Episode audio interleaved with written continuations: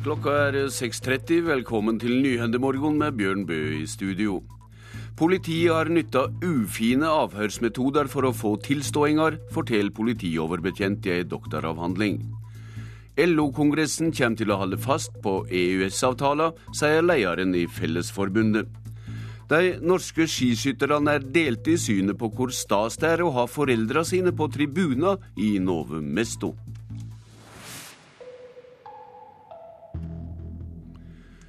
Norsk politi laug, manipulerte og brøt menneskeretter for å få fram tilståinger i drapssaker på 1990-tallet.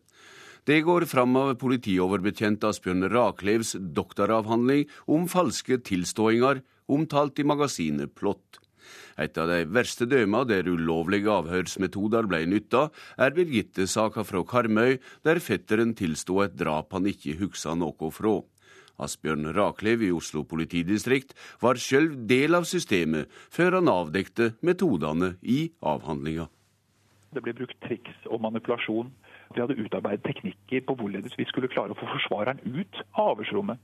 Avhøreren skulle ha som mål å framstille seg som den beste vennen til det den mistenkte. Og han eh, eller hun sitter eh, totalt isolert, så kan det lede ut i falske tilståelser. Fetteren i Birgitte-saken var kanskje den som ble hardest ramma av de ulovlige avhørsmetodene. Det er ingen tvil om at Birgitte-saken at det går et skille ved den. Da sprakk boblen. Det er det som er poenget, at norsk politi hadde utviklet en metodikk som ikke tålte dagens lys. Og det var ikke før den boblen sprakk i eh, Birgitte-saken at dette ble kjent. Og Det er derfor den står så sentralt da, i, i, i utviklingen av norske politiavhør. Asbjørn Raklev til reporter Harald Dale.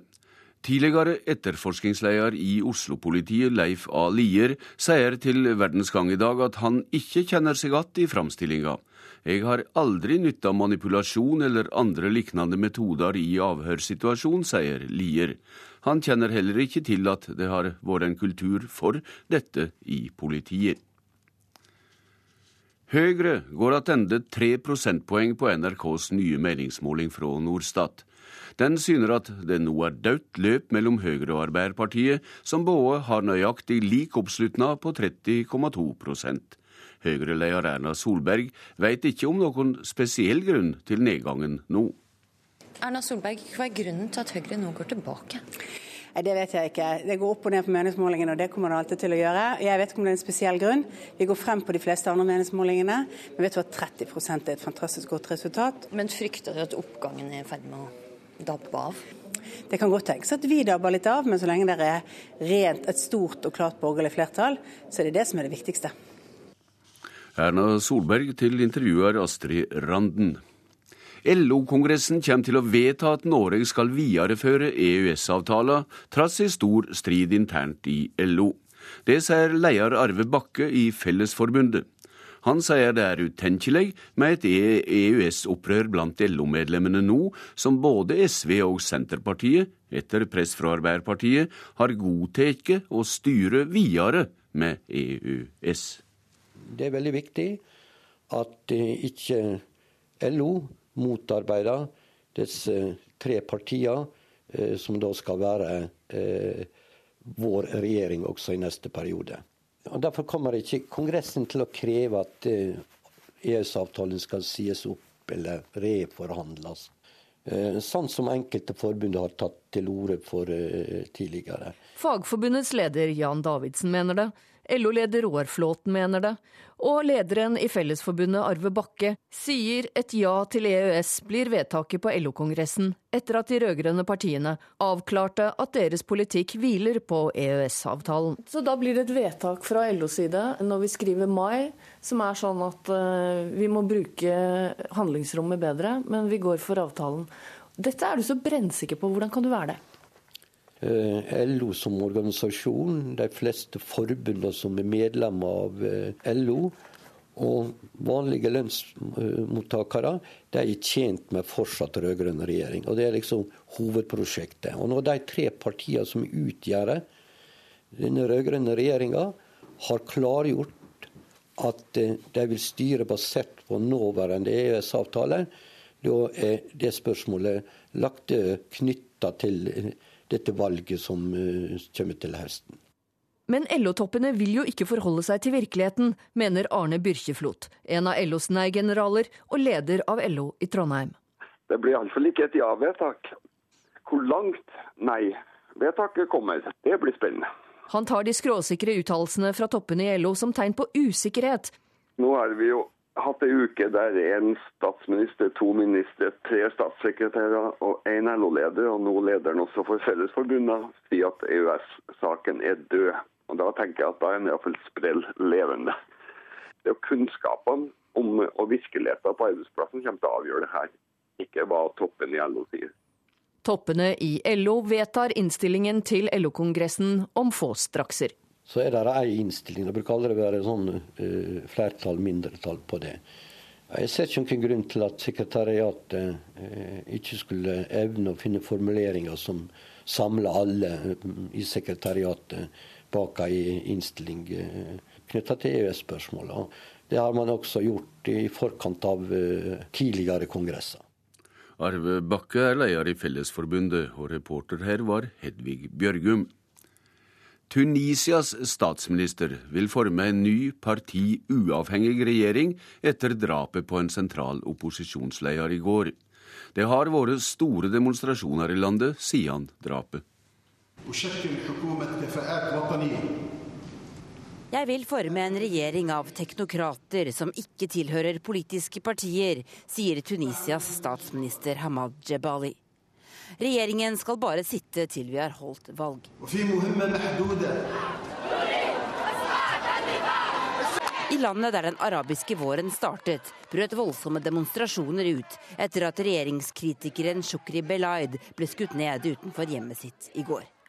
Demonstrantene krever regjeringens avgang, og noen av dem hevder krefter innad i regjeringspartiet sto bak drapet. Dette benekter presidenten og statsministeren på det sterkeste. Og i går kveld tok de altså det dramatiske skrittet å oppløse regjeringen for å forsøke å roe gemyttene. Utenriksmedarbeider Tove Bjørgaas orienterte. John Brennan, som president Obama vil ha som ny CIA-sjef, har vært til avhør hos de som gransker ulovlige lekkasjer av statsløgndommer. Brennan stadfester dette selv, bare timer før han møter i det som er venta å bli ei hard høring i Senatet om jobben som USAs etterretningssjef. I en erklæring til Senatet skriver John Brennan at han er intervjuet av granskerne, men at han har fått opplyst at statusen hans er som vitne. Her i USA har det siden i fjor sommer pågått to etterforskninger for å finne ut hvem som lekker hemmeligstemplede opplysninger til mediene. Granskningene ble satt i gang etter nyhetssaker om USAs rolle i virusangrepet mot Irans atomkraftverk, og avdekkingen av et nytt mulig terrorangrep fra Al Qaida i Jemen. Presidentens politiske motstandere mener lekkasjene har vært styrt fra Det hvite hus for å framstille presidenten som en handlekraftig og besluttsom leder i et valgår. John Brennan er presidentens fremste sikkerhetsrådgiver og fortrolige. Han ses på som arkitekten bak de omstridte droneangrepene. Brennan får nå økt oppmerksomhet, siden Obama har valgt ham som ny sjef i etterretningsorganisasjonen CIA. Senatets etterretningskomité skal spørre ut Brennan i dag, og det er ventet en tøff høring. Brennan må bl.a. forklare dronekrigen, og om Det hvite hus gir seg selv for store fullmakter til å drepe mistenkte terrorister uten lov og dom. Brennan må også svare på spørsmål om hvorfor CIA og ikke Forsvaret har kontroll over dronene. Et juridisk dokument lekket fra Justisdepartementet, også rett før høringen, rettferdiggjør bruken av droner og godkjenner bruken mer enn det som til nå har vært kjent. Bl.a. kan amerikanske statsborgere i utlandet drepes ut fra mistanke uten å bli siktet for en forbrytelse. Det var Kongressen som godkjente krigen mot terror, og politikerne står stort sett samlet. Men det er en gruppe på 10-12 senatorer som krever mer åpenhet og debatt rundt det omstridte droneprogrammet. Ifølge den uavhengige organisasjonen for gravende journalistikk, BIJ, kan mellom 475 og 900 sivile være drept av amerikanske droner bare i Pakistan de siste åtte åra. Gruppa med senatorer krever å få se alle de juridiske dokumentene som rettferdiggjør dronekrigen. Flere av de folkevalgte kommer også til å lede an i utspørringen av Brennan i dag.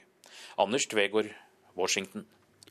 Og president Obama har nå avgjort å gi de folkevalgte innsyn i de graderte juridiske dokumenter som omhandler lovgrunnlaget for droneprogrammet, ifølge en tjenestemann Reuters har snakka med. Vi skal se på noen avisframsider i dag. Bergens Tidende forteller at over 400 barn kjøres lange veier hver dag for å komme i barnehage. De blir frakta til Bergen sentrum både fra andre bydeler eller fra grannekommuner. Vansker med å skaffe barnehageplass der folk bor, kommer til å vare så lenge barnehageplass er mangelvare, fastslår byråd Victor, Harald Viktor Hove til avisa. Aftenposten skriver at helsesøstre har for lite tid. Avisa refererer gransking som syner at helsesøstre pga. tidspress må avvise barn, og at de ikke får fylt opp familier som trenger hjelp. Dagens Næringsliv skriver at hver femte filial i DNB skal bort. Grunnen er det som blir kalla en eksplosjon i bruken av mobil og nettbank. DNB-sjef Rune Bjerke kan fortelle at det nå er flere kunder som vitjar mobilbank enn som vitjar filialene. I Vårt Land sier Aksel Fjellavli i Elevorganisasjonen at norske lærere er for sløve med å holde seg oppdatert om digitale medier og mobbing. Videregående elever i Oslo mener barn bør få lære nettverk alt fra første klasse av. Dagsavisen forteller at hver fjerde ungdom i Oslo kjenner seg ensomme. Dette er et løgnt og underkommunisert problem, sier NOVA-forsker Tormo Øya til avisa. Finansavisen skriver at oljeeventyret i Lofoten alt er godt i gang. Det skjer medan regjeringa krangler om boring. Staten håver inn penger fra Lofoten. Så langt har staten solgt seismikk for 560 millioner kroner, skriver avisa. Fire av ti liter på krisevernebuinga, skriver Nasjonen. 44% har tiltru til krisevernet i kommunen sin, syner ei gransking Sentio har gjort for avisa. Samstundes kommer det fram at hver femte kommune ikke gjennomførte den lovpålagde risiko- og sårbaranalysa i fjor. Og så har Stavanger Aftenblad ei værmelding på hele framsida si.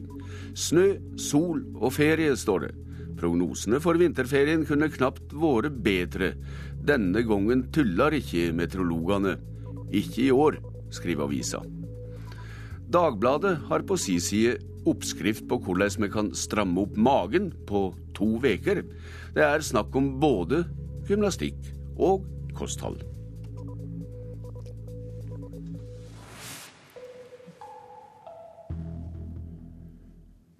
I dag legger Forbrukerombudet fram planer for hva de skal jobbe mest med i år, i 2013. Ombudet skal på vegne av forbrukerne se til at de som driver næringsvirksomhet, holder seg til markedsføringslova og ikke driver med villeding, mellom annet. Og nestleder hjå Forbrukerombudet, Bente Øverli, i år skal de se nærere på nye betalingsmåter. Hvorfor det? Ja, Det er kjempeviktig. Det er jo stadig nye produkter og tjenester som, som kommer. Og betalingsmetoder eh, brukes nå via mobilen f.eks., eller plastkort. Det er ikke sånn at du går inn i butikken og bare betaler med kontanter eller visakort. Nå utvikles det masse nye løsninger på mobil, og da er det veldig viktig at det er like god sikkerhet og trygghet hvis du bruker den metoden som det har vært når du har betalt med f.eks. et vanlig visakort. Men uh, hva problem ser det der, da, siden det vil eh, knytte oppmerksomhet til dette? Nei, Vi ser jo det at eh, når man lager den type løsninger, så er det veldig fint å tenke at mobilen har du alltid med deg, og det er enkelt. Men hvis ikke du har like god sikkerhet, så er det ikke bra for forbrukeren. Og det skal være sånn at om du betaler med et visakort eller mobilen, så skal du ha de samme rettighetene. For tenk om noe går galt. Tenk om du blir belastet for for mye. Da får du et problem, og sånn er det ikke ordnet i dag. Men kan du da være litt mer håndfast eller konkret på hva som kan gå gale når en betaler til dømes med mobilen? Ja, Hvis du betaler f.eks. med mobilen og blir trukket et altfor stort beløp, så er det jo sånn i dag at hvis du har problemer og betalt med et kort, så kan du gå til banken din og så får du refundert det beløpet. I dag så er det sånn at med mobilen så må du ringe telefonselskapet, og de sier at ja, men da må du ta kontakt med de du har handlet fra. Nå kan du nemlig kjøpe varer og tjenester med mobilen f.eks. på Nationaltheatret. Eh, da kan du kjøpe en cola, og det er ikke sikkert at foreldrene som skaffet et telefonabonnement til barna, tenkte at det var det som var meningen. Det er en del vilkår i dag som er for mobiltelefonen som er beregnet på kommunikasjon. Og så utvider man bruksområdet, og så tar man ikke høyde for at da må man ha andre vilkår. Men dette er jo bare én av de tingene vi skal jobbe med neste år. Noen må skjerpe seg, høres det ut til. Over 8000 tar kontakt med deg og dine folk hvert år. Hva er det folk vil ha mest hjelp til? Ja, De trenger hjelp til veldig mye ting. Eh, det som er viktig for oss, er å gå inn i de områdene som har størst økonomisk betydning for flest mulig forbrukere. Så det er IKT, eh, bolig, finans som er veldig viktige områder for oss i år. Og så er vi veldig opptatt av sårbare forbrukergrupper. Barn trenger beskyttelse. Unge voksne som for første gang skal ut i verden og inngå avtaler som er forpliktende, trenger beskyttelse. Og så ønsker vi å se spesielt på eldre i år. Det er en, eh, en gruppe som ikke man har sett så veldig nøye på som forbrukere. Mm. Takk til deg i denne omgang, nestleder i Forbrukerombudet Bente Øverli.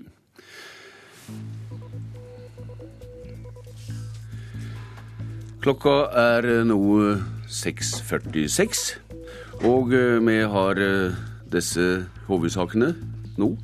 Politiet har nytta ufine avhørsmetoder for å få tilståinger, forteller politioverbetjent i ei doktoravhandling.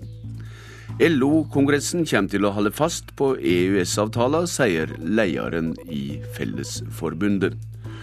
Og nå skal vi snakke, straks snakke om sport.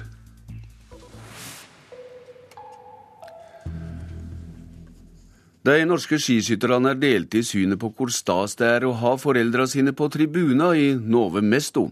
Flere tusen nordmenn reiser til den tsjekkiske landsbygda for å følge skiskytter-VM. Emil Hegle Svendsen er ikke overveldende glad for at opphavet er venta til VM-byen. Det er egentlig bare en plage. Hvorfor det? Nei, vi eh, vil jo konsentrere oss om det som skjer her. Og eh, de eh, lever jo i en helt annen verden når de er med på et mesterskap. Da er det liksom feiring og stas og alt sånt der. En busslast nordmenn et middag på et landlig hotell like utenfor Nove Mesto. Når de står på hallen, så pleier jeg å presse meg fram. Vi møter herr og fru Berger sammen med Clemet Bø, pappaen til Tarjei. Men det betinger at de står på pallen nå? De ser veldig lite av barna sine i løpet av mesterskapen, og det er greit. Kari Kjøde Enger er mor til Tora Berger. Og så har jeg jo prøvd å gjøre meg til kjenne hvis de er på blomsterseremoni, slik at jeg bare får sånn kontakt, og det er nok. Ja. Eh, nei, det er jo kjempeartig. Jeg håper at de, eh, de har det artig når de er her. Faktisk første mesterskapet han er på. Sier Tarjei Bø, stolt over å ha pappa Clemet ringside for første gang på seniornivå. Ja, jeg blir jo stolt over eh, at jeg er liksom blant de ja, beste skiskytterne i verden. Og det er jo kult, eh, kult det når pappa, pappa, skal se på. Jeg skal innrømme det. Ja, Det var nå veldig, veldig hyggelig, da. Så da får vi nå håpe at det ikke eh, slår han ut, men at det motiverer han til å virkelig stå på. og at han gjør et, en god konkurranse. Jeg er litt spent. Han har jo slitt mye i høst og er for så vidt nettopp kommet tilbake. og Hvor høyt og langt han har nådd fram til i dag med hensyn til den fysiske formen, det vet ikke jeg. Så jeg er litt spent. Men så var det Emil Hegle Svendsen. Jau da, foreldre er velkomne, men de bør ikke forvente for mye. Jeg skal ikke si at det er bare en plage. Det er koselig å ha dem på, på tribunen, at de, at de er her. Det er ikke noen tvil om det. Men uh, vi er liksom i en litt annen modus enn det de er, tror jeg. Emil Hygle Svendsen til reporter hjå skiskytterne Ole Rolfsrud. Slektsgransking har blitt nærast ei farsott i Noreg, og NRK har ansvaret for den nye programserien Hvem tror du at du er? har fått folk til å springe til arkiva for å finne ut mer om seg sjølve og om familien sin. Kongsberg er ikke noe unntak, og en litt sur onsdags formiddag var det ikke vanskelig å finne folk på gata i Sylbyen som er mer enn middels interesserte. Familiehemmeligheter venter på å bli avslørt. Og familiehistorier må skrives om når åtte kjente norske personer drar på oppdagelsesferd i sin egen slektshistorie. Ser dere på serien om slektsgransking på NRK? Ja, gjett da. Klart, ja. Klart. Er det spennende? Spennende. Altså, nå har jeg jo, driver jeg jo litt med dette sjøl. Og jeg, det, det, er jo så moro at det, ja, det er noe av det beste jeg ser jeg har sett på lenge. Liv Thoresen og Bjørg Kristiansen har begge funnet ut spennende ting om sine familier. Geina til farmora mi. Den eh, kommer nå til Danmark, og der er det noe adelsfolk og greier. Det var litt spennende.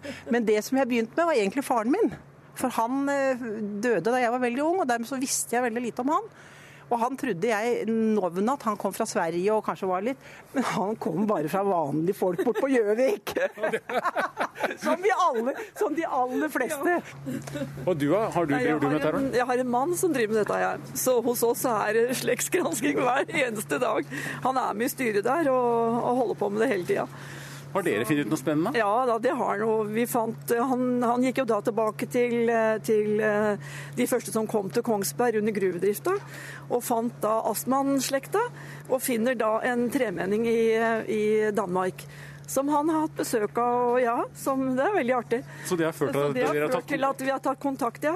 Og nå finner, finner han jo flere der borte, da, for det var jo flere av de søsknene som da reiste til Danmark. Ja. Så sendte de da mat fra Danmark til Kongsberg, og så snudde de lokket på kassa og sendte varer fra Kongsberg til Danmark. så, så, det har vært veldig mye artig. Altså. Ja, det har det. I Kongsberg ligger også Statsarkivet. Det er ei gullgruve for alle som er interessert i slektsgranskning. Her er kirkebøker, dødsprotokoller og rettsdokumenter omhyggelig lagra i uendelige rekker med arkivreoler. På lesesalen finner vi Jens Petter Nilsen fra Drammen. Han er ekspert og tar oppdrag for folk som ikke vil grave sjøl. Dette er um, dødsfallsmeldinger fra Gjerpen fra 1945 til 50. Og nå skal du prøve å finne? Nå skal jeg prøve å finne et dødsfall her. Fra Skal vi se Så det originaldokumentet, altså anmeldt dødsfall, det ligger da i disse mappene? Det ligger i, i mappene her, ja. Det er litt sånn detektivarbeid dette her, da? Ja, absolutt. Absolutt. Og det er vel mange som kjenner seg igjen når jeg, sier at man kan sitte i flere dager eller uker for å finne enkelte personer. Så, så, det kan være Skal vi se, her har vi en her, ja. Som jeg leter etter, som var død 9.9.1948. Og her er han da nevnt. Og han etterlot seg enke og syv barn. Så her får jeg navnet på alle barna og hvor de bor hen. Din egen slekt, da, hvor, hvordan har det gått? Hvor, hvor, hva veit du om den? Ja, jeg vet jo en del. For eksempel, hvor langt tilbake da? Eh, ja, Jeg er vel i hvert fall tilbake på 1400-tallet. Hvordan levde dine slektninger på 1400-tallet? Ja, De var bønder. De bodde på Gullsvik i, i Flå. Dette er magasinet ved Statsarkivet. Sier Nils Johan Stoa, sjefen for Statsarkivet i Kongsberg. Det er altså de, de rommene der vi har sjølve arkivmaterialet. Jeg syns jeg kjenner lukta av gamle dokumenter og protokoller. Er det riktig? Ja, for så vidt. Vi har jo en del av det her inne. Vi har nærmere 14 eller over 14 000 hyllemeter med papirarkiver her i magasinene våre. Og dette er jo et materiale som Det er jo gammelt papir da, fra slutten av 1500-tallet og fram til 1980-90-åra. Eh, hvordan vil du beskrive interessen for slektsgransking etter denne TV-serien? Ja, Den må vi vel bare si at det har eksplodert. Hvordan tilrettelegger dere for publikum som er interessert i dette? her? Vi har gjort det slik nå at istedenfor å ha åpen hver lørdag med noen få gjester, så har vi nå forsterka bemanning og oppe én lørdag i måneden. Da vi kan yte bedre service til den enkelte slektsgranskeren og andre brukere for den saks skyld på den måten. Og nå Sist lørdag hadde vi over 60 mennesker her inne, så det er rimelig heftig der da. Tilbake på gata i Kongsberg møter vi Marit Rutle, som også er opptatt av å leite bakover i sine slektsledd. Jeg fant jo mye familie i USA, i New York, Brooklyn. eh, som er veldig kjente personer, og kjekt å vite at de er i min familie. Har du tatt kontakt med dem, eller? Vi har ikke det, for vi søsken vil prøve å få eh, ta kontakt. Jeg vet de har etterlyst slekt i Norge uten vi visste at det var oss de søkte. Så her ligger det an til at det blir kontakt? Ja, det gjør det. Marit Rutle til slutt der, som altså har greid å finne familie i USA. Reporter var Ingar Andreassen. Ifølge øh, Vi skal høre om Rock City, forresten.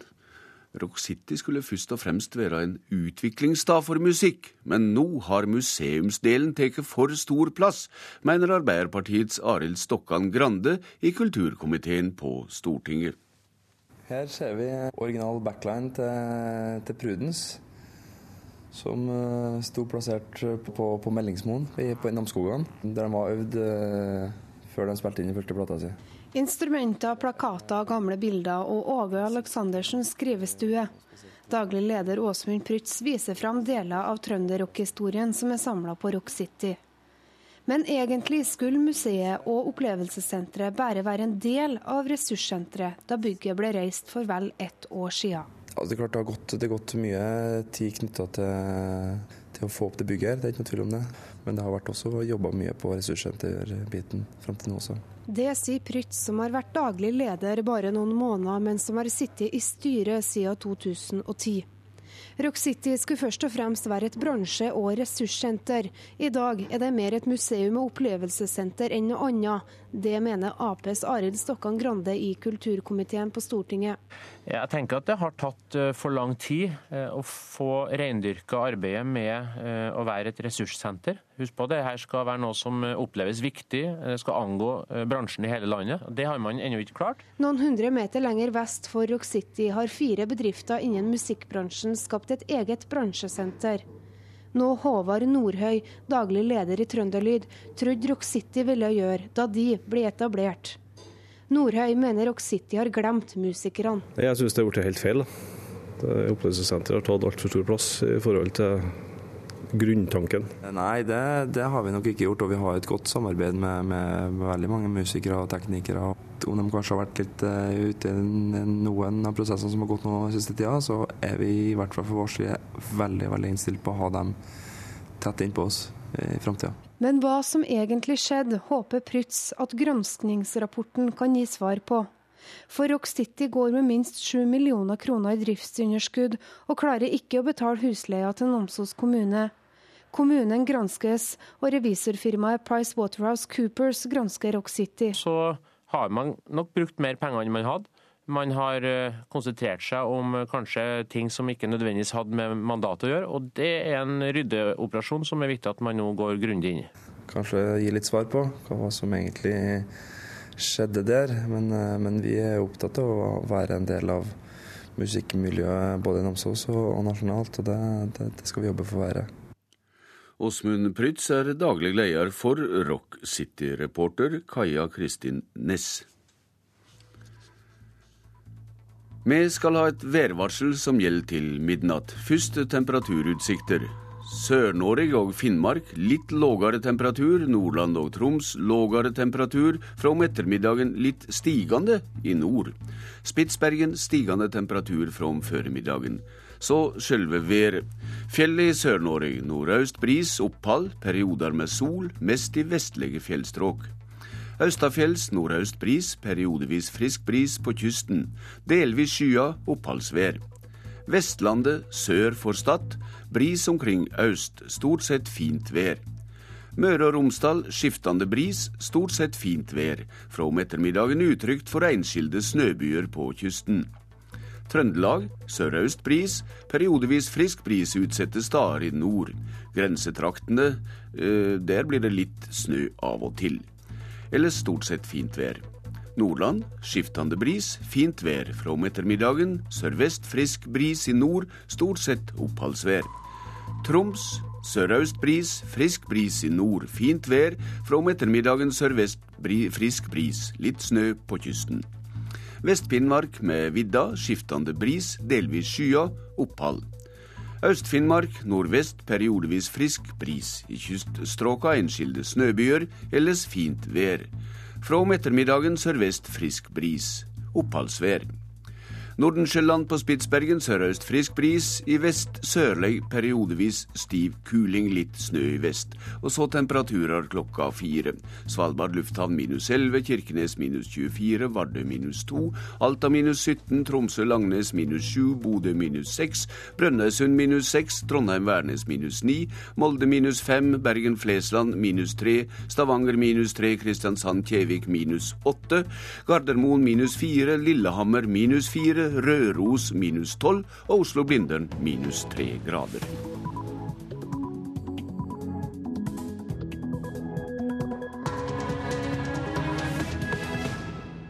Klokka er sju. Du hører på Nyhendemorgen med Bjørn Bø i studio. Her er ei oppdatering. Norsk politi laug, manipulerte og brøt menneskeretter for å få fram tilståinger i drapssaker på 1990-tallet, syner doktorgradsavhandling. Et av de verste døma der ulovlige avhørsmetoder ble nytta, er i Birgitte-saka der fetteren tilsto et drap, sier politioverbetjent Asbjørn Raklev. Det er ingen tvil om at Birgitte-saken at det går et skille ved den. Da sprakk boblen.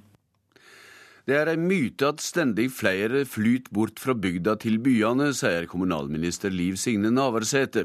Hun tar feil, sier Oslos byrådsleder Stian Berger Røsland, og syner til tall fra Oslo. Vi har vokst med 20% i denne byen på ti år. Regionen har vokst med 17% og vi blir stadig flere. Det er trangere på trikker, på busser, på, på veier. Og det er en stor befolkningsvekst i denne regionen. Statsarkivet i Kongsberg har hendene fulle med å hjelpe folk som vil leite attover i tida, og slekta. Sjefen for Statsarkivet sier interessa er formidabel. Ja, den eh, må vi vel bare si at det har eksplodert. Sa Nils Johan Ståa. Det er dødt løp mellom Arbeiderpartiet og Høyre. En ny meningsmåling for NRK syner at de to partiene ligger nøyaktig likt med 30,2 på Lillehammer og i Gudbrandsdalen er to halve bostader til sals. Og halve bostader er ikke lettselte, vedgår sorenskriver Elisabeth Løvold. Eh, det sier seg vel kanskje selv at det er ikke veldig lett å selge en, en ideell halvpart av en bolig. Norsk politi laug, manipulerte og brøt menneskeretter for å få fram tilståinger i drapssaker på 1990-tallet. Det går fram av politioverbetjent Asbjørn Raklevs doktoravhandling om falske tilståinger, omtalt i magasinet Plott. Raklev mener at langdryge avhør som hadde som mål at forsvareren skulle forlate politistasjonen, er et triks som strir mot de grunnleggende prinsippa i menneskerettene. Det ble brukt triks og manipulasjon. Vi hadde utarbeidet teknikker på hvorledes vi skulle klare å få forsvareren ut av avhørsrommet. Avhøreren skulle ha som mål å framstille seg som den beste vennen til eh, den mistenkte. Og hans eh, eller hun sitter eh, totalt isolert, så kan det lede ut i falske tilståelser. I doktoravhandlinga si skriver Asbjørn Raklev at politiet på 1990-tallet brukte uetiske metoder og manipulasjon for å få fram tilståinger i drapssaker. Raklev hevder at metodene brukt av avhørerne hadde som mål å få fram falske tilståinger, og at flere av teknikkene var inspirert av amerikansk avhørsmetodikk, skriver VG. Et av de verste eksemplene der ulovlige avhørsmetoder ble brukt, er Birgitte-saka fra Karmøy, der fetteren tilsto et drap han ikke husker noe fra. Raklev mener at Birgitte Tengs-saka på slutten av 90-tallet ble et vendepunkt. Det er ingen tvil om at Birgitte-saken at det går et skille ved den. Da sprakk boblen. Det er det som er poenget. At norsk politi hadde utviklet en metodikk som ikke tålte dagens lys. Og det var ikke før den boblen sprakk i eh, Birgitte-saken at dette ble kjent. Og Det er derfor den står så sentralt da, i, i, i, utviklingen av norske politiavhør.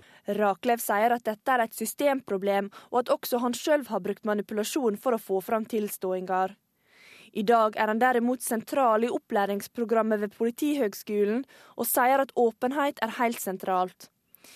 Han mener at bevis som er framskaffa ved hjelp av slike metoder, blir sett på som helt verdiløse. Bevisverdien av informasjonen, eh, påliteligheten av den informasjonen vi samler inn. Hvis domstolen ikke kan feste lit til den, eller det oppstår tvil om informasjonen vi samler inn eh, faktisk er reell eller ikke, så, så, så sier det seg selv at da har vi store problemer eh, med, med, med bevisverdien. Reporter her var Marte Halsør. Tidligere etterforskningsleder i Oslo-politiet, Leif A. Lier, sier til VG at han ikke kjenner til at det var noen kultur for lygn og manipulasjon i politiet. Det er ei myte at stendig flere vil bo i byen og flytte bort fra bygda. Det mener kommunalminister Liv Signe Navarsete, og hisser med det på seg Oslos byrådsleder. For når været er annerledes enn de fleste har trodd, må distriktspolitikken også tilpasses, slik at det kan gjøres stendig mer attraktivt å bo i bygdene, mener Navarsete. Vi må veldig langt tilbake i tid for å finne mer positive tall eh, enn det vi ser nå. Og Det betyr at distriktspolitikken virker. På kafébordet foran kommunalminister Liv Signe Navarsete ligger plansjer som viser hvor i landet vårt folk flytter til og fra. Viktige tall når hun nå legger siste hånd på stortingsmeldinga som viser hva retning distriktspolitikken skal ha framover. I alle landets fylker stiger folketallet fordi innvandring og de som flytter til, er flere enn de som flytter fra. Massiv sentralisering er rett og slett ei myte, hevder Navarsete. Ja, det er nok ei myte. Og dersom det ikke stemmer, slik vi har trodd, at folk flest vil bo i storbyen, da må det også få konsekvenser for distriktspolitikken. Det er en myte at det er en ensidig flyttestrøm. Vi vil ha eh, større fokus på hvordan vi bygger gode arbeidsmarkedsregioner. Hvordan vi bygger kompetansearbeidsplasser rundt om i hele landet. Og selvsagt eh, er det viktig med gode velferdstjenester og ikke minst samferdsel. For det er klart det er viktig med gode byer og tettsteder og rundt om i hele landet. Det er ikke noe å diskutere dette. I Oslo rådhus rister byrådsleder Stian Berger Røsland på hovedet. Høyremannen har også funnet fram plansjer og tall, og mener Navarsete må ha hatt på seg Senterpartibrillene når hun har valgt seg ut hva statistikk hun vil bruke. Merker du noe til at sentralisering bare er ei myte? Jeg tror ingen i Oslo og Oslo-regionen eh, merker noe til det. Vi har vokst med 20% i denne byen på ti år.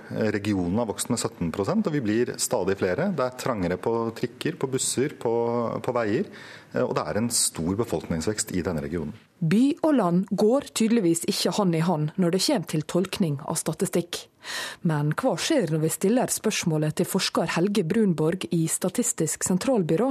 Er sentralisering i Norge ei myte, slik dere her på SSB ser det? Nei, det kan vi ikke si. Dette er en tung prosess som har foregått i noen hundre år. Der ser vi på andelen av befolkninga som bor i de mest sentrale kommunene i Norge, så er det uavbrutt i over 40 år har denne andelen økt nå til over to tredjedeler av befolkninga. Ved Navarsetes kafébord lover hun at det også skal være godt å bo i by her til lands, og at en vil få mer utfyllende analyser i stortingsmeldinga som skal komme før påske. Men kanskje er konklusjonen alt trukket. Skal det gå mer penger til bygda og mindre til byen etter denne meldinga blir lagt fram? Det får vi nå komme tilbake til i det enkelte budsjett, ikke det sånn vi sier? ja, det var altså Liv Signe Navarsete som er kommunalminister, og reporter her var Ellen Sporstøl. Vi har med oss Marvin Wiseth, Høyre-politiker og tidligere ordfører i Trondheim. Du har òg hatt ei rad tillitsverv innen næringsliv, kultur og omstillingsarbeid, mellom annet i Steinkjer. Nå hører vi her at Navarsete får på en måte synt ende av Statistisk sentralbyrå at sentraliseringa er ei myte, og, hvordan skal distrikta takle det? Jeg tror at en rekke tiltak som må settes i verk. og Vi må vel kunne si at til tross for at eh, staten bruker over 34 milliarder, så, så har man ikke lyktes spesielt godt. Mm. Eh, og Det handler jo om å, å, å tiltrekke seg å ha attraktive arbeidsplasser, først og fremst. Og Da tror jeg ikke bare det er et uh, økonomisk spørsmål heller, men det er like mye et næringsutvikling. Det handler også mye om psykologi. Mm. Det må være så attraktivt at man trekker til seg de spennende og litt annerledes, og de, og de beste hodene. Mm. Og jeg tror denne krigen mellom distrikt og eh, sentrale strøk på, på Østlandet ikke kommer noe særlig positivt ut av. For vi er avhengig av å ha sterke lokomotiver rundt omkring også. Ja. Eh, du, så, jeg var så vidt inne på at du leia omstillingsarbeid i Steinkjer kommune, som skapte mange nye arbeidsplasser, i tillegg til å sikre andre. Hvordan lukkes det med det, tykker du, og hvorfor? Det handler i Steinkjer sitt vedkommende om, å, om å tenke nytt, først og fremst. Altså være mer kreativ. Dessuten så handler det faktisk også om å det som er så moderne i dag, da, fremsnakke seg sjøl. Altså det å være positiv, det å være begeistra, det å ha tro på at det her nytter. fordi å, å sitte og vente på også det her med, som jeg er veldig opptatt av, det er greit å få en støtte og legge forholdene til rette for, for næringsetablering osv. Men det kan ikke være slik at det næringslivet vi skaper ut i distriktet er avhengig av å ha støttetiltak hele tida. Det må snarest mulig ut og konkurrere og bli motstandsdyktig og klare seg. Ellers så har det egentlig veldig liten hensikt. Eh, Marun Wiseth, eh, er det for mye sutring i Distrikts-Norge? Ja, altså Sutring og sutring, i hvert fall sånn at man er flinkere til å påpeke det som er vondt og vanskelig, enn det som er muligheter. og Det handler jo om det samla velferdsutbyttet. De menneskene er forskjellige. Riktignok er det nok sånn at den urbane kvaliteten er noe som appellerer til flere og flere, og det må vi bare ta konsekvensen av. Og Da kan heller ikke Distrikts-Norge tro at de kan opprettholde bosetting på hvert eneste nes. Jeg tror faktisk, selv om det høres paradoksalt ut, at en ganske sterk sentralisering til tettsteder og byer er viktig for å opprettholde desentralisert boligbygging eller bosetting i landet vårt. Mm. Ditt eget parti Høyre går inn for kommunesammenslåing. Det kan handle om å ta barnevern og skole fra små kommuner som setter seg imot dette. Hvordan skal dette legge til rette for at folk vil etablere seg i små steder, tror du? Problemet er jo at når eh, kommunene blir små nok, så klarer de ikke å opprettholde det faglige nivået og kvaliteten som en kommune må ha for å kunne gi et velferdstilbud. Så om man slår seg sammen eller om man samarbeider, det syns jeg ikke er veldig avgjørende. Det er jo det som er hovedutfordringen. Det er at det er store avstander. Men at man må få større faglige kompetansesenter rundt i Distrikts-Norge, det er viktig og avgjørende for at du også kunne trekke til deg attraktive arbeidsplasser for et par, f.eks. Det er som regel ikke én person som skal bosette seg. Takk til deg for disse resonnementene, Marvin Wiseth. Det er dødt løp mellom Arbeiderpartiet og Høyre. En ny meningsmåling Norstat har gjort for NRK, syner at de to partiene ligger nøyaktig likt, med 30,2% Høyre går tilbake 3 prosentpoeng fra forrige måling. Kanskje dabber vi litt av, sier Erna Solberg. Rådgiveren kviskrer de nye tallene i øret på partileiren. Erna har vært stjerna lenge. For kvinna i den mørkeblå dressjakka har alt gått veien den siste tida, men ikke denne gangen. NRKs måling for Norstat viser en tilbakegang på tre prosentpoeng. Hva er grunnen til at Høyre nå går tilbake? Det vet jeg ikke. Det går opp og ned på meningsmålingene, og det kommer det alltid til å gjøre. Jeg vet ikke om det er en spesiell grunn. Vi går frem på de fleste andre meningsmålingene. Men vet du at 30 er et fantastisk godt resultat. Men frykter du at oppgangen er i ferd med å dabbe av? Det kan godt tenkes at vi dabber litt av, men så lenge det er rent, et stort og klart borgerlig flertall, så er det det som er det viktigste. Heldigvis er det ikke valg i morgen. Sier Ap-leder Jens Stoltenberg. For sjøl om det er de rød-grønne som har vinden i ryggen nå, alle de tre partiene har en framgang på NRKs måling, ligger de fremdeles etter. Hei, hei. Jens heter jeg. Jens heter jeg. Hei, Jens. Hei. Han har mange håndtrykk og en lang valgkamp framfor seg. Men for en gangs skyld er han nå helt på linje med Erna Solberg. De får begge to nøyaktig lik oppslutnad, 30,2% Det viste at det kommer til å bli spennende, eh, og mye mer spennende tror jeg enn mange har lenge trodd. 30,2 er det godt nok for Arbeiderpartiet? Det minner oss om at valget ikke er avgjort, og at eh, mye skal skje fram til valgdagen i eh, september. Det kan bli spennende. Jeg er helt sikker på at vi kommer til å slåss til siste dagen vi for å både holde på de velgerne vi har, og få enda flere til å ville få til et regjeringsskifte. Hvordan tolker du at det ligger helt likt med Arbeiderpartiet? Ja, det er veldig forskjell mellom disse forskjellige meningsmålingene. Litt avhengig av hvordan man måler og metodene de forskjellige instituttene har. Jeg er jo glad eh, for at vi faktisk matcher Arbeiderpartiet. Og når vi på så mange meningsmålinger er høyere enn de, eh, så, så er det fortsatt sånn at jeg syns at vi får gode tall. Ja, Det sa altså Erna Solberg, og reportere her var Astrid Randen og Ingunn Solheim. Og du kan lese alle tallene fra meningsmålinga på nrk.no. Politisk redaktør i Bergens Tidende, Sjur Holsen. Høyre har den største gangen på denne målinga. Eh, I hva grad eh, kan en tolke at Erna Solberg og Høyre har nådd toppnivået?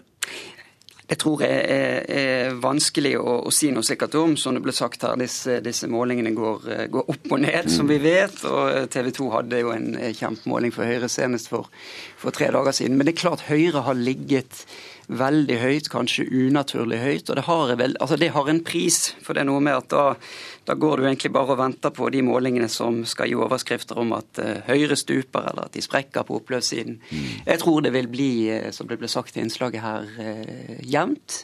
I hvert fall mellom de to store. Og så er det jo da det samlede antallet blokkene her får, som vil være avgjørende for hvor vi får et regjeringsskifte eller, eller ikke. Ja, det skal mange målinger til Absolutt. før vi kommer fram til valget til høsten. Men Holsen, målinger syner at det er flere som vil ha Erna Solberg som statsminister enn Jens Stoltenberg. Er du overraska over denne godhugen for ei kvinne fra Bergen? Ja, Nei, selvfølgelig. Det, det burde jo alle forstå. Nei, litt spøk til side. Altså, det var hårfint denne gang. Det har vært et det, Hun har vært hårfin tidligere eh, også. Eh, det tror jeg Altså, vi, vi har jo ikke presidentvalg i, i Norge, og dette tror jeg er har primært med å gjøre at, at, at, Høyre gjør det godt, og så spiller det over på, på eh, Erna Solberg, som, som, også er, det kan vi jo se nå, veldig drillet inn på en sånn eh, hva skal vi si, statslederrolle. Måten hun uttaler seg på, har snakket på og opptredd politisk på over lang tid. Eh, ellers vil jeg ikke feste for mye i akkurat de eh, statsledertalene. Det har nå ellers vært en del, knyttet en del merksomhet til at Bergen ikke har hatt en statsminister siden midt på 1930-tallet. Ja, kan du tenke deg? er det noen som ser fram til at Bergen kan få en ja, statsminister igjen? Det er det nok helt sikkert, akkurat så mange som, eh, som, eh, som, ikke vil ha det. Nei, altså Jeg kan berolige programlederen med at vi er vel spesielle på noen måter her borte, men i det store og hele så er vi vel ganske normale også når det kommer til politikk. Vi stemmer ut fra partier og ideologier og hva det måtte være. Og dette med tilhørighet, identitet, hvor man kommer fra, eh, spiller jo tradisjonelt en liten rolle i norsk politikk, mm. så også i Bergen. Men det er klart det er blitt lagt merke til etter dette store oppslaget i Dagens Næringsliv i i helgen, som selvfølgelig bergensavisene plukket veldig raskt opp, at, at 80 eh, år eh, det er en stund, skal ja. vi vel være enige om. Og det var ikke småtteri, det var Mowinckel og tidligere Mikkelsen som var de store representantene for Bergen i regjeringstoppen. Helt riktig, ja. ja. Ingen har gått så mange ganger som Mowinckel leste, det var, det var nytt for meg. Han, hadde, han, han, gikk av fire ganger, satt fem.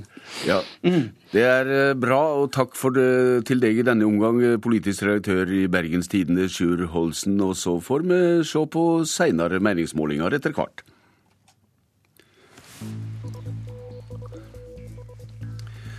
Klokka er 7.17, og du hører på Nyhendemorgen i NRK P2. Og dette er hovedsaker. Politiet har nytta ufine avhørsmetoder for å få tilståinger, forteller politioverbetjent i ei doktoravhandling. Det er ei myte at stendig flere vil flytte fra bygda til byen, mener kommunalminister Liv Signe Navarsete. Det stemmer slett ikke, sier Oslos byrådsleder. Og følg oss videre. Frankrike har bedt FN om å etablere en fredsstyrke som kan ta kontrollen over Mali når det franske felttoget tar slutt.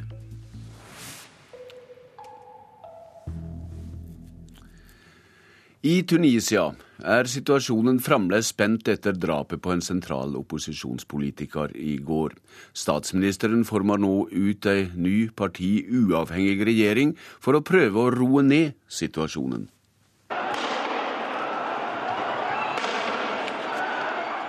Politiet skyter pistoler med tåregass for å spre demonstrantene i Tunis. I hovedstaden tok flere tusen mennesker til gatene i går. En politimann ble drept i sammenstøtene. Også i byen der den arabiske våren startet da en grønnsakshandler satte fyr på seg selv i desember 2010, var det omfattende demonstrasjoner etter drapet på opposisjonslederen Shukri Belaid. Statsministeren kom imidlertid demonstrantene i møte med et drastisk tiltak i går kveld. Jeg vil forme en regjering av teknokrater som ikke tilhører politiske partier, sa Hamad Jebali. Regjeringen skal bare sitte fram til vi har holdt valg, lovet statsministeren. Shukri Belaid ble skutt ned utenfor hjemmet sitt i går morges. Han var en skarp kritiker av regjeringen til det moderate islamske partiet Enada. Blant demonstrantene hevder mange at krefter innad i regjeringspartiet kan ha stått bak drapet, men dette benekter presidenten og statsministeren på det sterkeste. Belaids bror mener drapet åpenbart var et planlagt attentat. Dette er en klar melding til oss tunisiere. Hold kjeft, ellers dreper vi deg, sier Abdelmajid Belaid. Han forteller at broren, som ledet en opposisjonsallianse, mottok mange drapstrusler. Drapet er det første politiske attentatet siden oppstanden under den arabiske våren startet. Tunisia har vært landet der revolusjonen så langt har gått fredeligst for seg. Men mange er urolige for hva som nå venter. Reporter her var Tove Bjørgaas. Frankrike har nå bedt Tryggingsrådet i FN om å etablere en fredsvernende styrke som kan overta kontrollen og stabilisere Mali når det franske felttoget i den vestafrikanske nasjonen tar slutt. Frankrikes utenriksminister Laurent Fabius sier at han voner FN-styrken kan være på plass alt i april, slik at de 4000 franske soldatene da kan dragast ut. Og Afrikakorrespondent Lars Sigurd Sundano, hva slags fredsoperasjon i FN-regi er det Frankrike presser på for å få i stand? Ja, I utgangspunktet var det jo en fredsbevarende styrke i regi av den vestafrikanske samarbeidsorganisasjonen ECOWAS, som gradvis skulle settes inn når Frankrike avslutter sitt felttog mot islamistene i Mali. ECOWAS-landene har til sammen lovet å bidra med opptil 8000 soldater. Rundt halvparten er nå på plass, men det blir en krevende oppgave å få de forskjellige troppenhetene koordinert og trent opp. De trenger våpen og transportmateriell og andre viktige forsyninger. Det er et stort areal de skal stabilisere. Ørkenområdene nord i Mali er jo på størrelse med Frankrike og Belgia til sammen. Men ved å la FN ta regien for denne fredsbevarende styrken, vil etableringen kunne skje raskere, samtidig som finansieringen av denne store internasjonale operasjonen blir enklere å få på plass. Ja, Du sa det selv, det er et stort land dette. og Hva kan du si om den militære situasjonen i Mali, eh, der de islamistiske opprørerne langt, langt nær syns å være helt borte? De er langt fra nedkjempet etter at de trakk seg ut av de to viktige byene Gao og Timbuktu. De har riktignok tatt tap. Flere hundre islamister skal være drept i de franske bombeangrepene som pågår. Men islamistene har omgruppert. De kan fortsatt rette geriljaangrep mot mål de velger seg. Særlig i den nordøstre delen av Mali, mot grensen til Algerie, er fjellterrenget ideelt for islamistene. Det er spekket med grotter og huler som de kan skjule seg i og bruke som baser for angrep. Akkurat nå pågår det kamper utenfor Gao mellom islamister og de franske styrkene, så krigen er ikke på noen måte over ennå. Hva er situasjonen for tuaregene, nomadefolket som starta opprøret i Mali i fjor vår? Tuaregene, det er rundt 550 000 av dem i Mali, er vel de store taperne i konflikten. Sammen med islamistene gjorde de jo opprør for å få større selvstendighet. Men det ble islamistene som etter hvert overtok styringen i nord, og som utløste den franske militære intervensjonen for snart en måned siden. Nå prøver tuaregene, som har sagt takk og farvel til sine islamistiske våpenbrødre, fortvilet å få til en slags forsoning og forhandlingsløsning med regjeringen i Bamako. Om det lykkes, gjenstår å se. Ja, vi får høre mer om dette seinere. Takk til deg i denne omgang, korrespondent i Afrika Lars Sigurd Sunnanå. Vi skal se på noen avisframsider i dag. Bergens Tidende forteller at over 400 barn kjøres lange veier hver dag for å komme i barnehage. De blir frakta til Bergen sentrum både fra andre bydeler og fra grannekommuner. Vansker med å skaffe barnehageplass der folk bor, kommer til å vare så lenge barnehageplass er mangelvare, fastslår byråd Harald Viktor Hove. Aftenposten skriver at helsesøstre har for lite tid. Avisa refererer gransking som syner at helsesøstre pga. tidspress må avvise barn, og at de ikke får fylt opp familier som trenger hjelp. Dagens Næringsliv skriver at hver femte filial i Den norske bank skal bort. Grunnen er det som blir kalla en eksplosjon i bruken av mobil og nettbank. DNB-sjef Rune Bjerke kan fortelle at det nå er flere kunder som vitjar mobilbank enn som vitjar filialene. I Vårt Land sier Aksel Fjellavli i Elevorganisasjonen at norske lærere er for sløve med å holde seg oppdaterte om digitale medier og mobbing. Videregående elever i Oslo mener barn bør få lære nettverk alt fra første klasse av. Dagsavisen forteller at hver fjerde ungdom i Oslo kjenner seg ensomme. Dette er et løgnt og underkommunisert problem, sier NOVA-forsker Tormo Øya til avisa. Finansavisen skriver at oljeeventyret i Lofoten er godt i gang alt. Det skjer medan regjeringa krangler om boring. Staten håver inn penger fra Lofoten, og så langt har staten solgt seismikk for 560 millioner kroner, skriver avisa. Fire av ti liter på krisevernebuinga, skriver Nasjonen. 44% har tiltru til krisevernet i kommunen sin, syner ei gransking Sentio har gjort for avisa. Samtidig kommer det fram at hver femte kommune ikke gjennomfører den lovpålagde risiko- og sårbar-analysa i fjor. Og så til Stavanger Aftenblad, som har ei værmelding på hele framsida si. Snø, sol og ferie, står det. Prognosene for vinterferien kunne knapt vært bedre. Denne gangen tuller ikke meteorologene. Ikke i år, hevder avisa. Dagbladet har på si side oppskrift på hvordan vi kan stramme opp magen på to veker. Det er snakk om både gymnastikk og kosthold.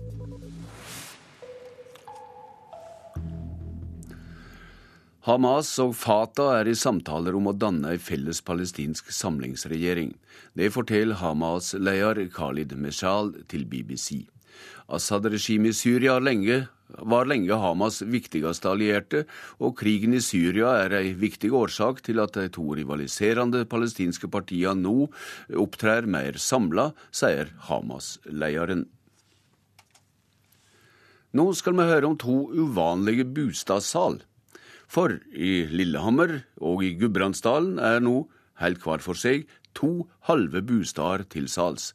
Ja, du hørte rett. To halve bostader. Et halvt husvære og en halv enebostad. Grunnen er at panthaverne har utestående gjeld hjå én av eierne i de to bostadene.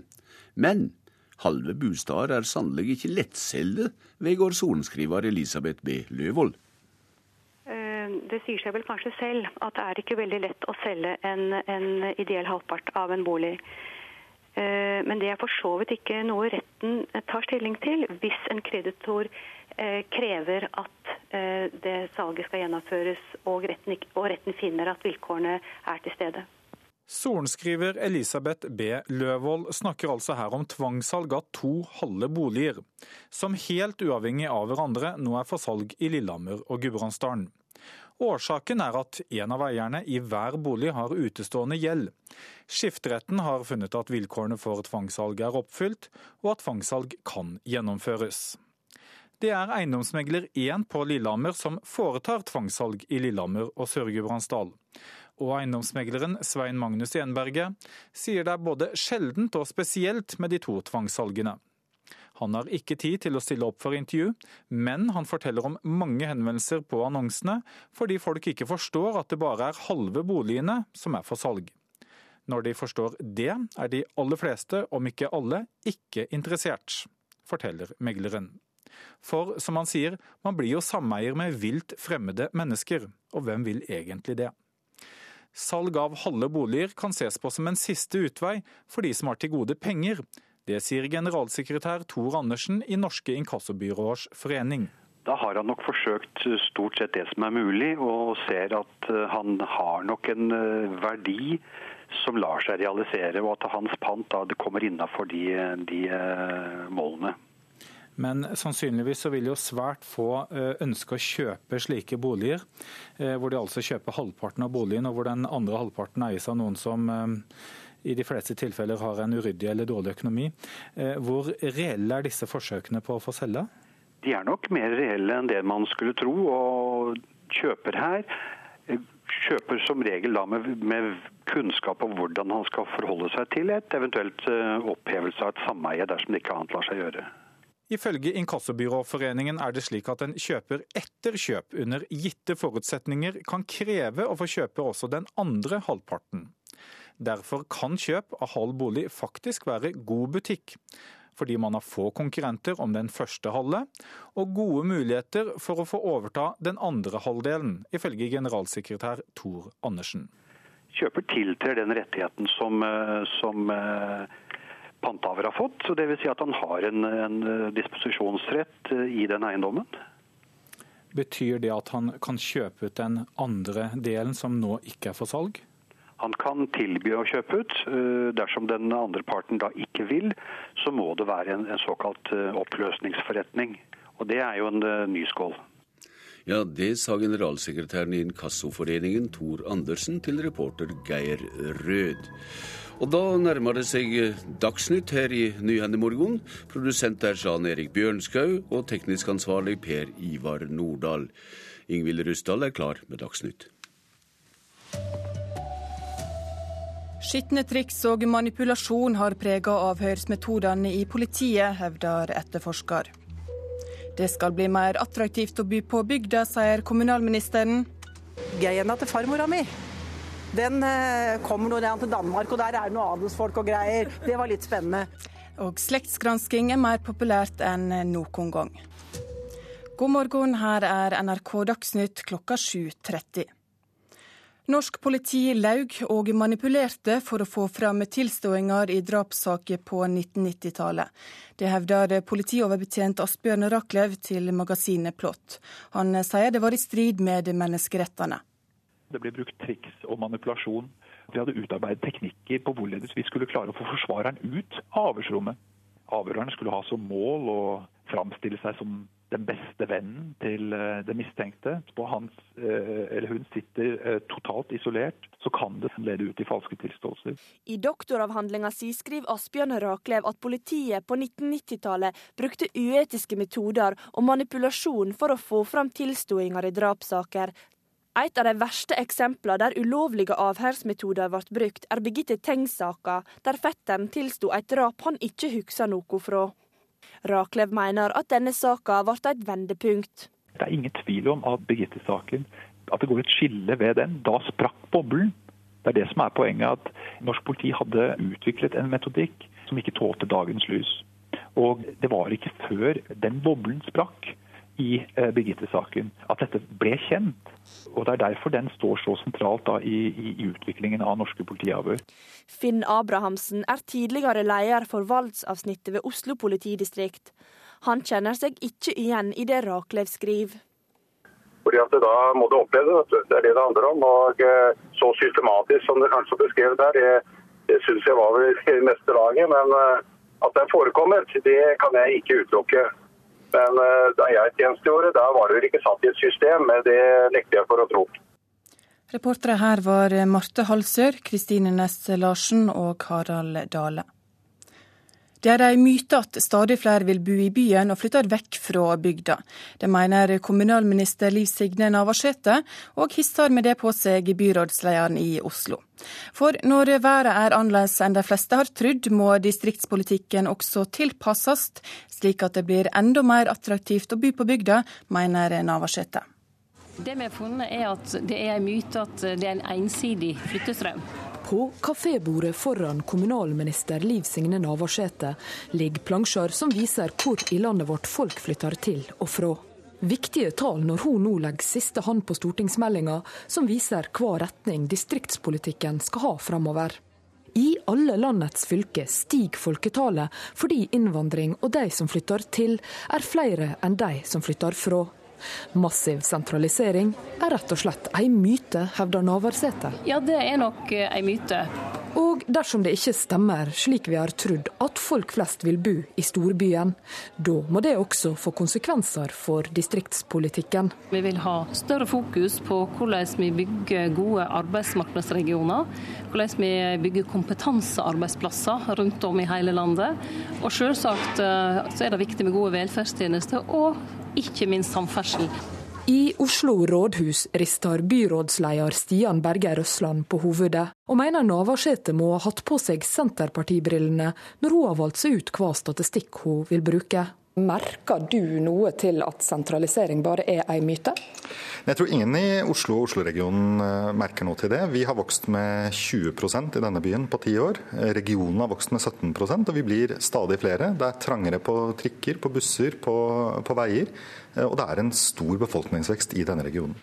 Reporter var Ellen Sporstøl. Det er dødt løp mellom Høyre og Arbeiderpartiet. Det viser NRKs nye meningsmåling. Høyre går tilbake med tre prosentpoeng. Nå deler de topplasseringa med Ap, som har nøyaktig lik oppslutning på 30,2 Vi ligger på 30. Rådgiveren kviskrer de nye tallene i øret på partileiren. Erna har vært stjerna lenge. For kvinna i den mørkeblå dressjakka har alt gått veien den siste tida, men ikke denne gangen. NRKs måling for Norstat viser en tilbakegang på tre prosentpoeng. Eh, det går opp og ned på meningsmålingene, og det kommer det alltid til å gjøre. Jeg vet ikke om det er en spesiell grunn.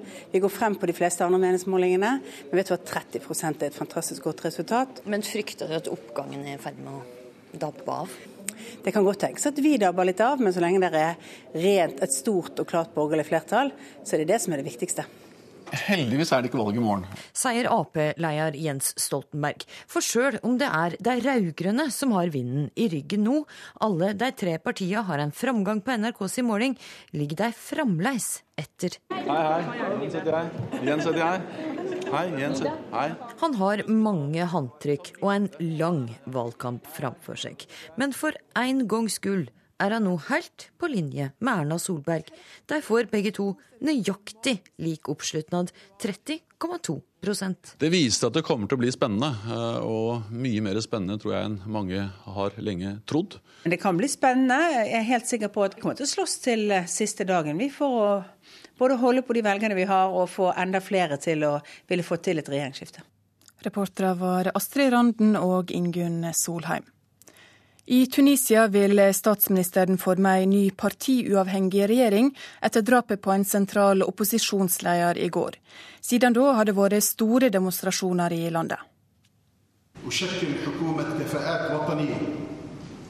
Jeg vil forme en regjering av teknokrater som ikke tilhører politiske partier, sier Tunisias statsminister Hamad Jebali. Regjeringen skal bare sitte til vi har holdt valg.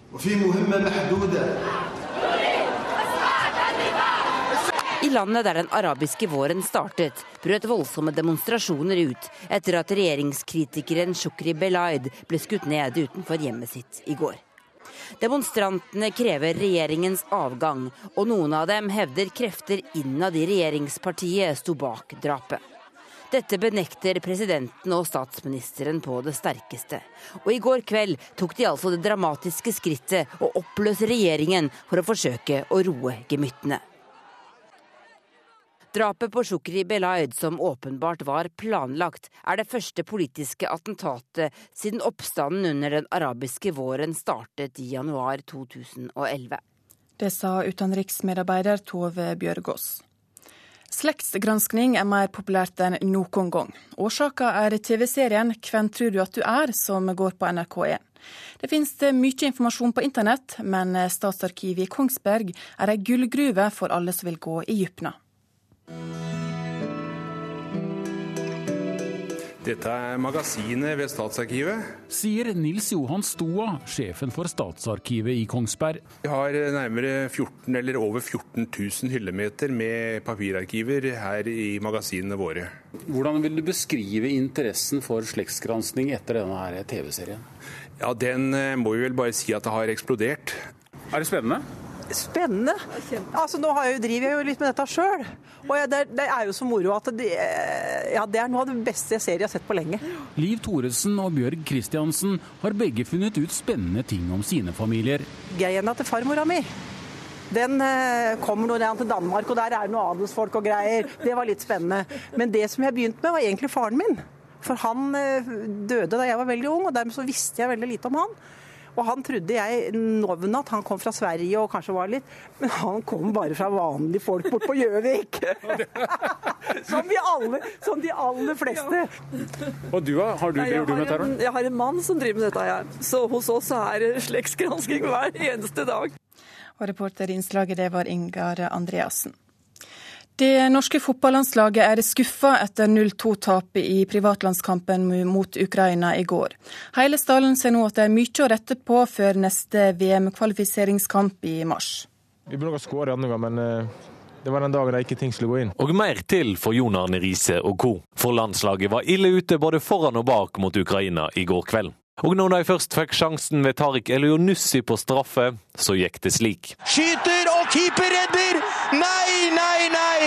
Nei, det er surt, det selvfølgelig. Det var dårlig straffe. Det var ikke noe stort lag vi møtte, og derfor så er det skuffende at vi, at vi taper. Vi gjør tabber, og vi gir bort en del overgangsmuligheter òg, som er som er litt bekymringsfullt. Sier landslagssjef Egil Olsen etter det sure 2-0-tapet. I mars venter motstander Albania i neste VM-kvalifiseringskamp. Da må angripere som Elionussi heve seg betraktelig offensivt. Men bakover har de mer å rette på, mener straffeskytteren som i går kom til kort. Vi må eh, selvfølgelig eh, forsvare oss bedre. Eh, vi kan ikke slippe inn tidlig mål sånn tidlig i kampen.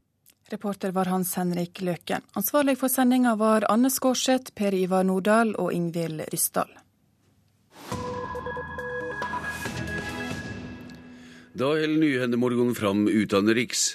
Fotballstormakta Brasil forbereder seg til en av sine største idrettsfester noen gang. VM i fotball neste sommer. Vår reporter Arnt Stefansen har vitja en brasiliansk landsby som har fostra en av de største spillerne i fotballsoga, og tilhengerne hans mener at VM i Brasil er et godt høve til å gi han det ettermælet han fortjener. Det er ikke rare kampen, og det er ikke mange som er kommet for å se den. Men for meg er besøket på fotballstadion her i Pau Grande en magisk stund. Tilsynelatende er det ingen grunn til å reise de 15 milene fra Rio de Janeiro til landsbyen Pau Grande. Stedet er uskjønt, nedslitt og har ingen synlige attraksjoner. Likevel har det en ruvende plass i fotballhistorien. For det var her han ble født, og det var her, på stadion i Pau Grande, han først viste sitt enorme talent. Den senere legenden Garincha.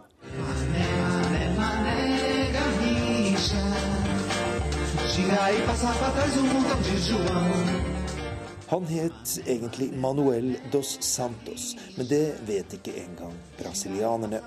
For han ble alltid kalt Mané, og snart fikk han tilnavnet Kahincha, gjerdesmutten. En liten, rask fugl som det var umulig å fange. Og motstanderne på fotballbanen fikk bittert erfare at navnet var fortjent. For Gahincha var en driblekonge av fantastisk format, også i dagens målestokk, sier Jailton Camera Lima, trener og lagleder for dagens fotballag i Pau Grande. Fenômeno. Garrincha era um fenômeno que eu acredito que jamais vai ter alguém igual. Han var et fenomen som jeg aldri tror vi får se maken til. Dagens store stjerne her i Brasil, den unge Neymar, har mye av de samme ferdighetene, men jeg mener at Gahincha gjorde ting med ballen som verken Neymar eller andre store stjerner kan gjøre ham etter. Det var VM i Chile i 1962 som var Gahinchas stjernestund.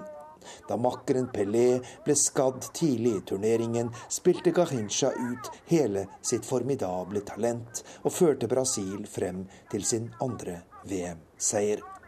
Men var Gahincha en trollmann på fotballbanen, så var han en katastrofe på livets arena. Han var uten utdanning, strødde om seg med penger og hadde et kaotisk forhold til kvinner. Han drakk dessuten altfor mye, og da karrieren var slutt, gikk det bratt nedover. I 1983 ble han brakt til sykehus med akutt alkoholforgiftning, og han døde der, bare 49 år gammel. É, eu acho que faltou uma estrutura né, para o Garrincha. Né? Acho que se fosse hoje Det manglet et apparat som kunne ta seg av et så spesielt menneske som Garrincha, sier Pau Granges lagleder. I dag finnes det rådgivere og eksperter som er der for å løse problemer og bringe spillerne på rett vei. Mané, até hoje meu peito se expande. Millioner av brasilianere minnes Garrincha og hans artistiske dribleserier. Han var spilleren som fikk fansen til å le når han valset rundt med sine motstandere. Og på Mané Garrinchas enkle grav på kirkegården i Pau Grande står teksten som mer enn noe annet forbindes med ham. Og Alegria do Povo, folkets glede. Klokka har passert 7.44, og vi har disse hovedsakene i Nyhendemorgon. Skitne triks og manipulasjon har prega avhørsmetodene i politiet, hevder etterforsker. Det skal bli mer attraktivt å bo på bygda, sier kommunalministeren. Uroa har blussa opp igjen i Tunisia. Det går mot nyvalg etter drapet på opposisjonspolitiker. Da er det klart for Politisk kvarter, og her blir det helsedebatt, programleder Per Arne Bjerke. Ja, er private helseklinikker en trussel mot offentlige sykehus? Helseminister Støre møter Høyres Bent Høie.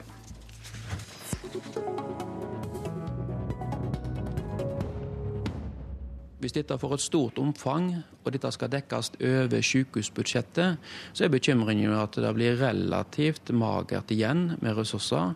Pluss at de vi har brukt mange mange år på å utdanne til spesialister, vil forsvinne til det private. og Vi setter ribba tilbake. og Det betyr utdanning, forskning, opplæringsoppgaver kan bli skadelidende. Direktøren for Helse Vest, Terlof Nilsen, og flere andre sykehussjefer er bekymret over et forslag fra Høyre om å bruke private klinikker for å få ned helsekøene, mens regningen skal betales av staten, slik vi hørte i Dagsrevyen i går kveld. Leder i Stortingets helsekomité, Bent Høie, hvordan kan du garantere at det ikke fører til en svekkelse av budsjettene ved de offentlige sykehusene, når flere skal dele de samme bevilgningene? For det første så kommer bevilgningene til å øke. Og jo, men det er flere som skal slåss om den samme potten? Ja, men Stortinget bevilger penger for at eh, innbyggerne skal få pasientbehandling, ikke for at eh, en skal drive sykehus. Sykehusene får òg betalt eh, for den jobben som de gjør. Både offentlige og private, private sykehus. Det viktigste er at det nå står over 260 000 mennesker i kø som har rett til utredning eller behandling. Samfunnet sparer ikke penger på at de må vente lenger.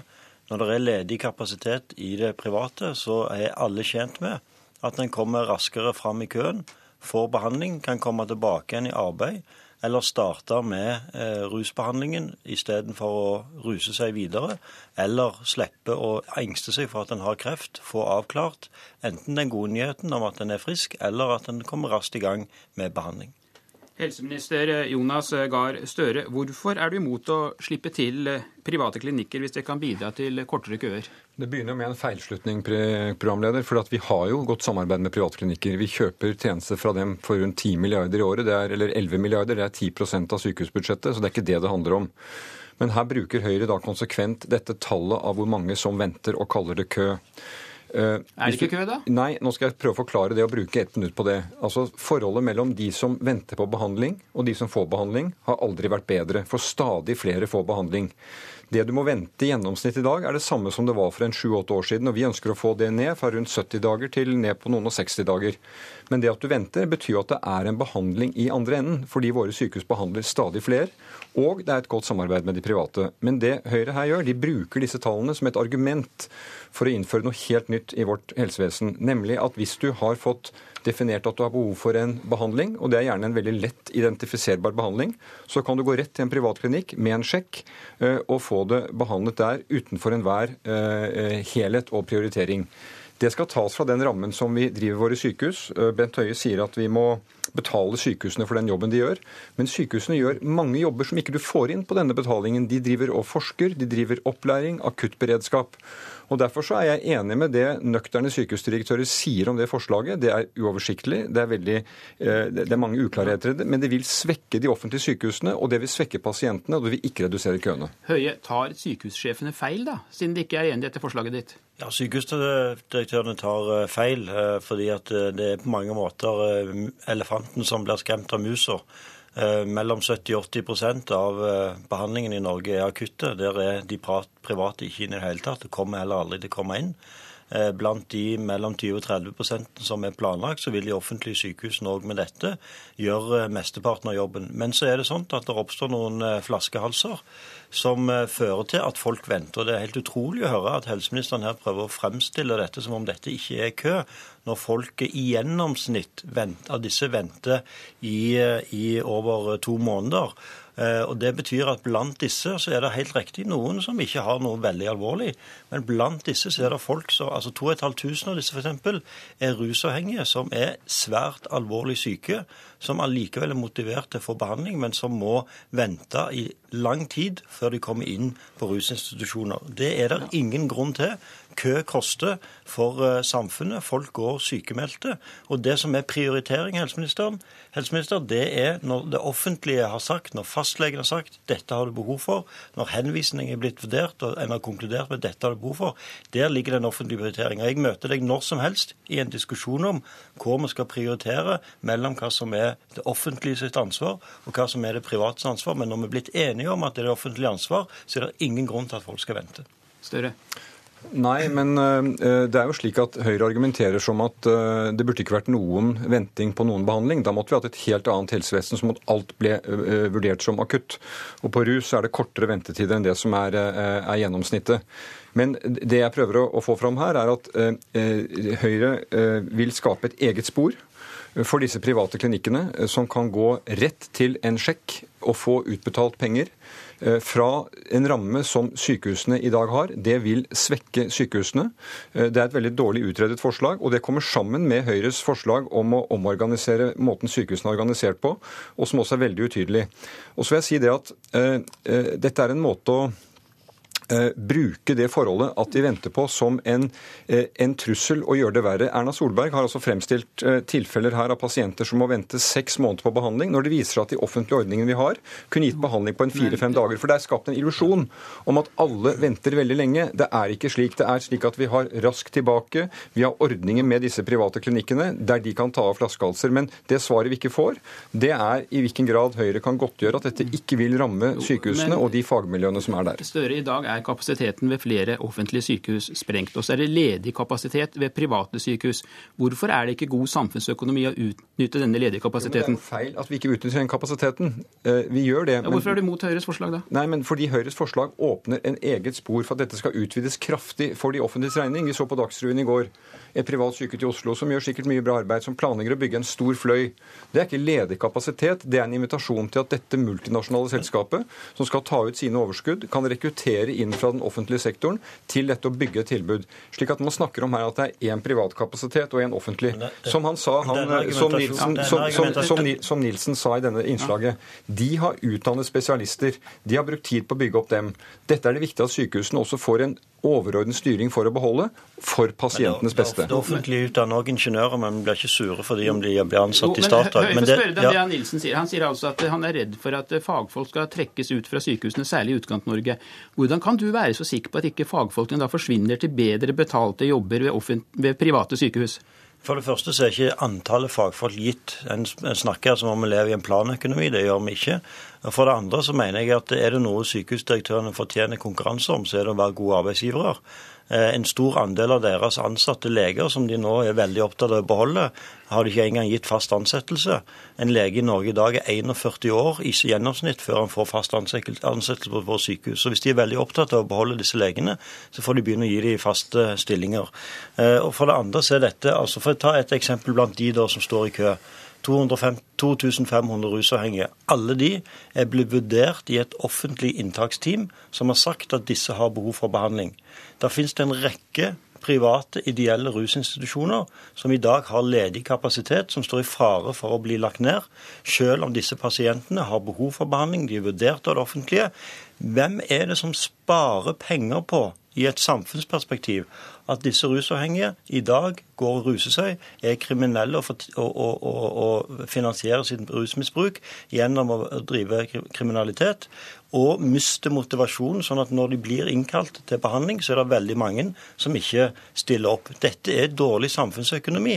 Og at Arbeiderpartiet bruker helsekø som et prioriteringsvirkemiddel, som et sparevirkemiddel, det er i et samfunnsperspektiv veldig dårlig økonomi. Jeg tror I hver sending så får jeg tilbakedrevet argumentet, for det går på tomgang hos Høie. At vi bruker det som et spareargument, det gjør vi ikke. Eh, for rusbehandling så er det også slik som for all annen behandling. Akuttbehandling venter ikke. La oss bare understreke det. Du får behandling. Er det alvorlig, får du også behandling. Gjennomsnittlig venting for rusbehandling ligger i strøket 40-50 dager. Og vi arbeider for å få det lenger ned. Vi behandler altså nå dobbelt så mange med rusproblemer i poliklinisk behandling, og vi øker også langtidsbehandling. Det, jeg innrømmer at ikke dette går over natten. Vi kjøper nå flere tjenester fra private. Vi bygger ut langtidstilbudene, og vi har en god diskusjon om hva er kvalitet dette, på dette området. Men det er altså ikke et argument programleder, for at man da sier at for disse gruppene vi kan si akkurat hva de feiler, så kan du få en sjekk, gå ned på den private klinikken. Det vil jo føre til en oppblomstring av disse klinikktilbudene i de sentrale strøkene, og tilbake igjen til hovedargumentet, det vil svekke sykehusene. Og hvem er det som havner der? Jo, det er jo folk med kompliserte, sammensatte lidelser. Og hvis sykehusene skal få mindre penger, mindre styring med ressursene, mindre styring med fagfolkene, så blir det dårligere tilbud til pasientene. Er det ikke det som vil skje det høye, at eh, de private vil utvide? Vi så jo i Dagsrevyen i går hvordan Aleris fortalte om sine utvidelsesplaner. og Vil ikke det da gå på bekostning av bl.a. sykehus i mer grisgrendte strøk? Jeg vil mene at dette vil innebære en mer fornuftig arbeidsdeling òg mellom eh, sykehusene og mindre klinikker. Det som en ser, er at en, eh, en, stor del av de som står i kø i dag, de venter på dagbehandling og, og poliklinisk. Rundt 80% av de som står i kø, gjør det. Eh, de private klinikkene, de private avtalespesialistene, er mye mer effektive til å ta unna dette, og de gjør det til en pris som ligger ofte rundt 60% av det som, som skjer, i det, skjer, i det, offentlige. Men hoveddelen av pasientbehandlingen i Norge vil òg med Høyres modell skje på de offentlige sykehusene. De vil få de store pengene. Men der det oppstår flaskehalser, der viser de private at de er raskere til å snu seg rundt. Og Dessuten så tror jeg at når, når de offentlige sykehusene ser at når det oppstår flaskehalser når pasientene forsvinner, så vil de òg være flinkere til å snu seg rundt og få en bedre organisering. For i tråd med det også som helseministeren er enig i. Utvide åpningstider, utnytte utstyret på en bedre måte. Tenke annerledes i pasientstrømmen internt. Men det er litt sånt med oss mennesker at får vi litt konkurranse, så snur vi oss òg litt raskere rundt. Støre kort til slutt. Ja, jeg er veldig for konkurranse mellom mange i samfunnet, men jeg syns at dette blir et helt galt bilde å si at Oslo universitetssykehus, som har store samfunnsoppgaver, skal da konkurrere med en klinikk på hjørnet om en enkel intervensjon. Og her snakker altså Bent Høie systematisk ned det offentlige helsevesenet. Han sier at disse avtalespesialistene er mye mer effektive enn leger på sykehusene. Det er våre fremste økonomer sagt at det er ikke tilfellet. Så jeg mener at dette er et lettvint tilbud hvor han viser større omsorg for en, for en privat voksende sykehussektor enn for ja, pasienten. Og der må jeg si takk, takk til dere to. Bernt Årdal, forsker ved Institutt for samfunnsforskning. Hvor viktig kommer helsepolitikk til å bli i den kommende valgkampen? Ja, Det var ingen gitt å spå, men eh, det har jo vært et tema som har vært en gjenganger ved alle de siste valgene. Det som har vært utfordringen med helsepolitikk som andre velferdsspørsmål, har jo vært at det har vært vanskelig å se klare forskjeller mellom partiene. Det har gjerne vært at alle ønsker en bedre helseomsorg eller helsevesen, og eldreomsorg for den saks skyld, men, men, det kan være uenighet om midlene. Og Det vi nå hører her, det, det tyder på at vi får en klarere høyre-venstre-profil på dette, offentlig mot privat, og det kan bidra til å mobilisere og faktisk gjøre det mer aktuelt. Hvem av de to har mest å tjene på at dette nå settes på dagsorden? Jeg tror de faktisk, altså I den grad at man klarer å få den venstre-høyre-dimensjonen på det, så tror jeg de begge har fordeler av det. For det viser på en måte mer tydelige forskjeller. Blir en polarisering, og som kanskje da også gjør det enklere for, for den vanlige velger å ta stilling. I dag har NRK en meningsmåling der både Høyre og Arbeiderpartiet får 30,2% i oppslutning. Nå har jo Høyre vært eh, størst i en lang periode. Tror du det vil skje en utjevning mellom de to store frem mot valget?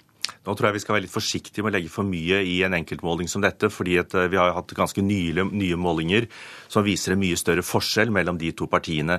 Men det ligger et potensial for en utjevning. Dels at Høyre ligger så høyt når det gjelder mobilisering av tidligere velgere og hjemmesittere og overganger fra andre partier, mens Arbeiderpartiet har det problemet at de har mange velgere som sitter på gjerdet. Så der er det altså et potensial for Arbeiderpartiet til å få disse ned, mobilisere dem ut, mens det kanskje kan være en del velgere som sitter litt løst for Høyre.